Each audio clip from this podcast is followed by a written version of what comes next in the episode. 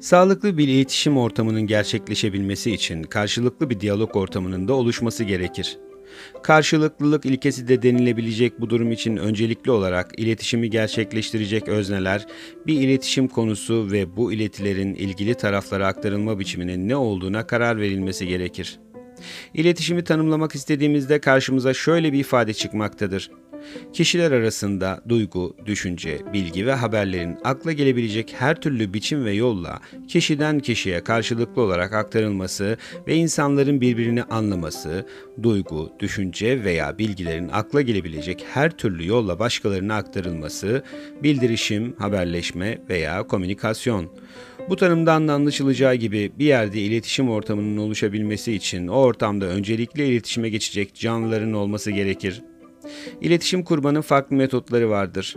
Bunların başında kişilerin birbirlerini anlaması, anlatması, anlaşması ve yine birbirini öğretmesi, birbirinden öğrenmesi gibi karşılıklı diyaloğa dayalı sözlü iletişim metodu vardır.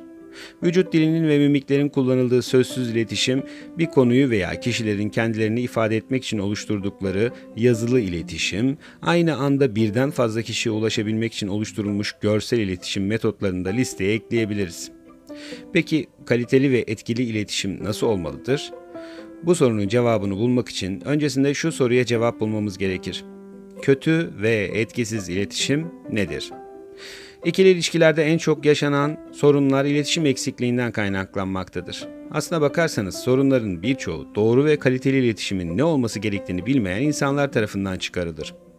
Birbirini dinlememe, sözünü kesme, ahkam kesme, dinliyormuş gibi yapma, bilmediği halde anlıyormuş gibi yapma, karşısındaki insanı tanımadan yapılan yorumlar. Anlatacak bir şey olan herkes dinleyecek bir kulak arar. Etkili iletişim sadece hitabet sanatının yüksek olması veya bilgi dağarcığının üstün olması demek değildir.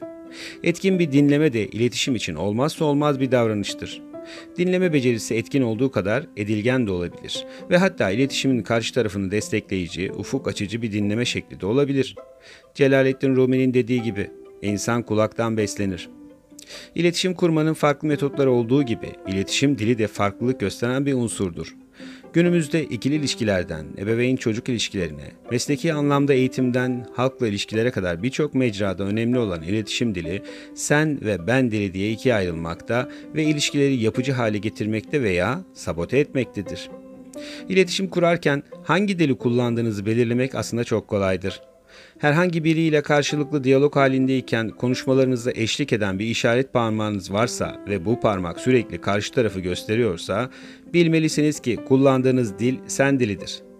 Suçlayıcı, paylayıcı, hükmedici ve kendinden uzaklaştırıcı bir dil yöntemi olan sen dili, iletişimin karşı tarafını oluşturan için bir hayli onur kırıcı bir dil kalıbı olur. Kendinin ne kadar beceriksiz, başarısız ve suçlu olduğunu hissettiren olumsuz duygular dilidir sen dili. Zaten hiç çalışmadın. Zayıf alacağım belliydi. Daha önce haber vermediğin için geç kaldım. Her zaman gelirken al dediğim şeyi unutursun zaten. Bugün de unuttun. Senin yüzünden rezil oldum. Yukarıdaki cümlelere dikkat edilirse hepsinin suçlayıcı, paylayıcı ve karşı tarafa edilgen gösterici bir yönü vardır. Tüm bunların oluşturduğu olumsuz duygular iletişimin başlamadan bitmesine neden olur. İletişimin diğer bir dili de ben dilidir. Ben dilini kullandığınız iletişim halindeyken baş parmağınızın kendinizi göstermesinden anlayabilirsiniz. Bu dil kalıbı kullanan kişilerce çoğunlukla karşı tarafın yapmış olduğu olumsuz durumları, hissetmiş olduğu duyguları veya yapmaması gereken davranışları kendi üzerinden yumuşatmak suretiyle yanlışını görmesini sağlayan olumlu duygular dilidir. İsterseniz sen dili için verilen cümleleri bir de ben dili kalıbından tekrar oluşturalım. Zayıf aldığın için üzüldüğümü bilmeni isterim. Sen başarılı bir çocuksun ve bir dahaki sefere beni üzmeyeceğini biliyorum. Geç kaldığın için merak ettim. Keşke haber verseydin. İstediğim şeyleri bir dahaki sefere unutmazsan gerçekten sevinirim. Arkadaşlarıma karşı biraz mahcup oldum. Görüldüğü gibi cümle kalıpları sadece küçük değişikliklerle nasıl da farklı bir anlayış kazandı. İletişim kanallarını kapatmak veya açmak elimizde olan sihirli bir değnek gibidir. Sen dersek kapanır, ben dersek açılır. Kötü ve etkisiz bir iletişim ile kurulan diyaloglarda ne kadar fazla doğru cümle kurulursa kurulsun, iletişimin karşı tarafı için oluşacak yanlış anlaşılmalardan kaçılamaz. Oysa kaliteli ve etkili bir iletişimde söylenen her cümle doğru anlaşılıp karşı diyaloğu da doğru kurulacaktır.